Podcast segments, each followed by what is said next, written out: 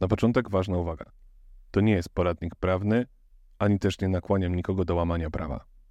Kto co z tymi informacjami podanymi w tym nagraniu zrobi, to już jego sprawa. Czarne tablice. Artefakt minionych czasów, symbol grzybiarza.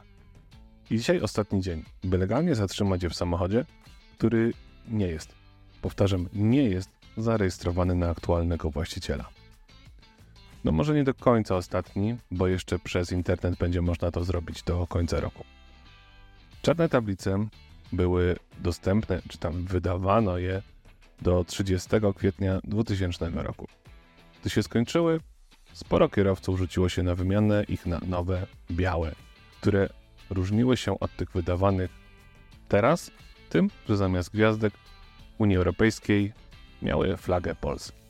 Stąd często mówi się na nich, że są to tablice flagowe. Dlaczego wtedy je wymieniano? Powód jest prosty. Były czymś nowym. Podjechanie pod dom samochodem na białych tablicach mogło sugerować nowy nabytek. A przecież jaki lepszy sposób podnieść ciśnienie sąsiadowi? Właśnie, zakupem samochodu. Dobra, ale jak jest z tą wymianą? Bo mówi się, że już nic nie będzie takie same. Że od 1 stycznia 2024 roku nie będzie można ich zachować i trzeba będzie je wymienić. No i tutaj mamy trzy sytuacje. Pierwsza. Aktualny właściciel ma samochód zarejestrowany na siebie. Tablice są czarne. Dla niego nic się nie zmienia. Druga. Aktualny właściciel nie jest w dowodzie, ale ma zgłoszone nabycie samochodu. Dla niego również nic się nie zmienia. 3. Aktualny właściciel nie jest w dowodzie i nie ma zgłoszonego nabycia. Lub nabył auto po 31 grudnia 2023 roku.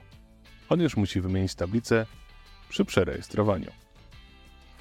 Czy da się w ostatnim przypadku zatrzymać czarne tablice?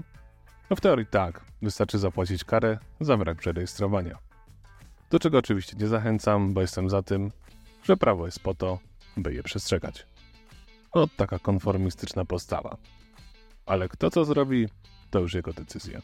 Dlaczego czarne tablice są czymś wartym naginania prawa? Pewnie nie jeden się teraz nad tym zastanawia. I tutaj nie ma jednoznacznej odpowiedzi. Dla jednych dlatego, że jest ich po prostu mało, co samo w sobie stanowi o ich wyjątkowości. Dla innych to nieodłączny atrybut starego, zgrzybiałego samochodu.